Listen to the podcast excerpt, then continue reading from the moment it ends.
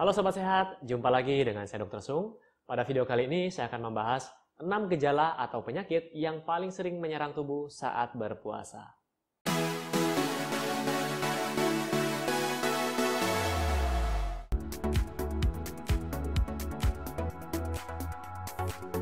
Nah Sobat Sehat, puasa selain memiliki banyak manfaat, ternyata saat berpuasa juga ada gejala atau penyakit tertentu yang sering menyerang tubuh Anda.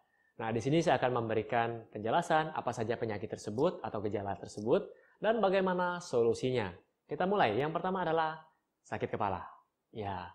Jadi bagi Anda yang sedang berpuasa mengalami sakit kepala, bisa jadi karena yang faktor-faktor seperti berikut. Yang pertama adalah mungkin Anda terlalu lelah, kurang tidur, ya, karena Anda tidak terbiasa Mungkin puasa hari pertama, kemudian hari kedua, uh, Anda mengalami sakit kepala karena sebelumnya Anda kurang tidur. Atau Anda kurang cukup mengkonsumsi air pada saat jam makan. Atau mungkin Anda saat puasa, kemudian Anda kerjaan Anda lagi berat, Anda lagi stres. Nah, ini dapat membuat nyeri kepala. Dan beberapa orang juga yang memiliki penyakit diabetes, ya mungkin ketika Anda berpuasa, gula darah Anda itu mengalami penurunan yang drastis atau disebut dengan hipoglikemia. Jadi saran saya adalah bagi Anda yang memiliki penyakit-penyakit tertentu, tolong konsultasikan kembali ke dokter Anda agar bisa diatur obatnya yang Anda konsumsi pada saat Anda berpuasa. Dan penyebab sakit kepala, Anda juga bisa menonton video saya yang sebelumnya di sini. Judulnya 6 penyebab sakit kepala, ya. Kemudian yang kedua adalah bau mulut. Nah, ini juga saya pernah bahas di video saya jadi bagi Anda yang berpuasa karena rentang waktunya cukup lama, Anda tidak makan, Anda tidak minum, akhirnya produksi saliva di dalam mulut Anda berkurang. Nah, di sini akan menyebabkan bau mulut. Dan bagaimana cara mengatasinya? Silahkan cek juga di video saya sebelumnya di sini. Lalu yang ketiga adalah tekanan darah rendah. Nah, bagi Anda yang sering sakit kepala, pusing, ya, habis jongkok berdiri terus ya ada bintang-bintangnya, Anda coba cek tekanan darah Anda. Dan kalau rendah, segera konsultasikan ke dokter atau ke ahli gizi. Mungkin Anda kekurangan asupan zat-zat gizi lainnya seperti protein, ya karbohidrat, atau mungkin zat-zat gizi mikro. Jadi sebaiknya Anda perbaiki dulu kondisi tubuh Anda bagi Anda yang memiliki tekanan darah rendah sebelum Anda berpuasa.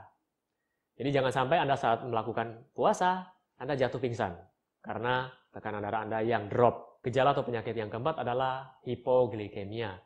Jadi bagi mereka yang baru pertama kali puasa di hari pertama, ya, jadi mereka yang terbiasa makan banyak karbohidrat, misalnya mie, nasi, dan sebagainya, tiba-tiba tidak makan makanan tersebut. Akhirnya tubuh yang kebiasaan mendapatkan asupan gula yang banyak dan tidak dapat asupan tersebut saat berpuasa, maka tubuhnya akan kaget. Jadi itu wajar karena pertama kali. Tapi bagi Anda penderita diabetes, ini adalah catatan penting bagi Anda penderita diabetes atau kencing manis. Anda sebaiknya berkonsultasi ke dokter Anda. Ya, jangan Anda beli obat sendiri di apotek, mentang-mentang Anda diabetes, terus Anda beli sendiri obat diabetes. Akhirnya, pada saat Anda berpuasa, obat diabetes itu kan menurunkan kadar gula. Jadi saat tidak ada asupan makanan, terus Anda minum obat diabetes, akhirnya gula darah Anda akan drop di bawah normal. Ya, tentu saja Anda akan mengalami namanya hipoglikemi. Anda akan pusing, keluar keringat dingin, mual, muntah. Bahkan kalau parah bisa sampai koma. Jadi pesan saya adalah konsultasikan ke dokter Anda. Sekali lagi, video yang saya buat ini hanya memberikan informasi, bukan menggantikan peran dokter. Lalu gejala atau penyakit yang selanjutnya adalah dispepsia atau orang kenal dengan sakit mah. Nyeri ulu hati, ya itu dah.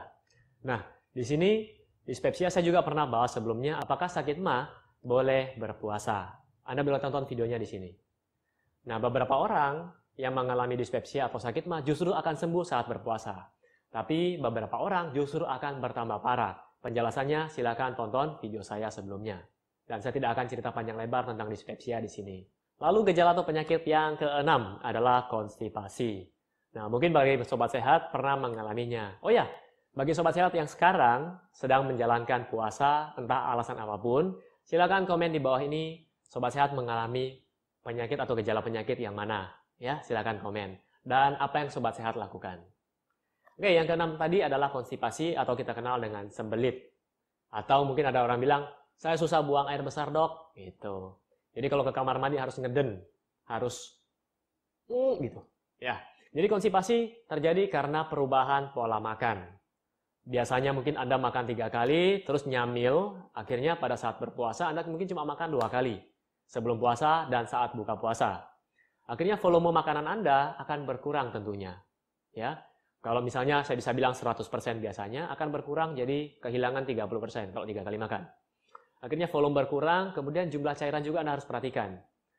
Karena untuk membentuk kotoran diperlukan serat yang cukup dan cairan yang cukup.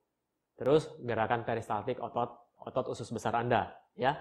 Jadi coba perhatikan kondisi serat Anda, air Anda, dan kalau bisa tambahkan olahraga sedikit supaya otot dari pencernaan Anda akan ikut aktif. Dan saya juga pernah membahas video tentang konstipasi, Anda bisa lihat videonya di sini. Jadi bagaimana penanganannya, dan berapa jumlah air yang harus saya minum, dan sebagainya. Oke, tadi itu adalah 6 gejala atau penyakit yang sering menyerang tubuh Anda ketika Anda berpuasa.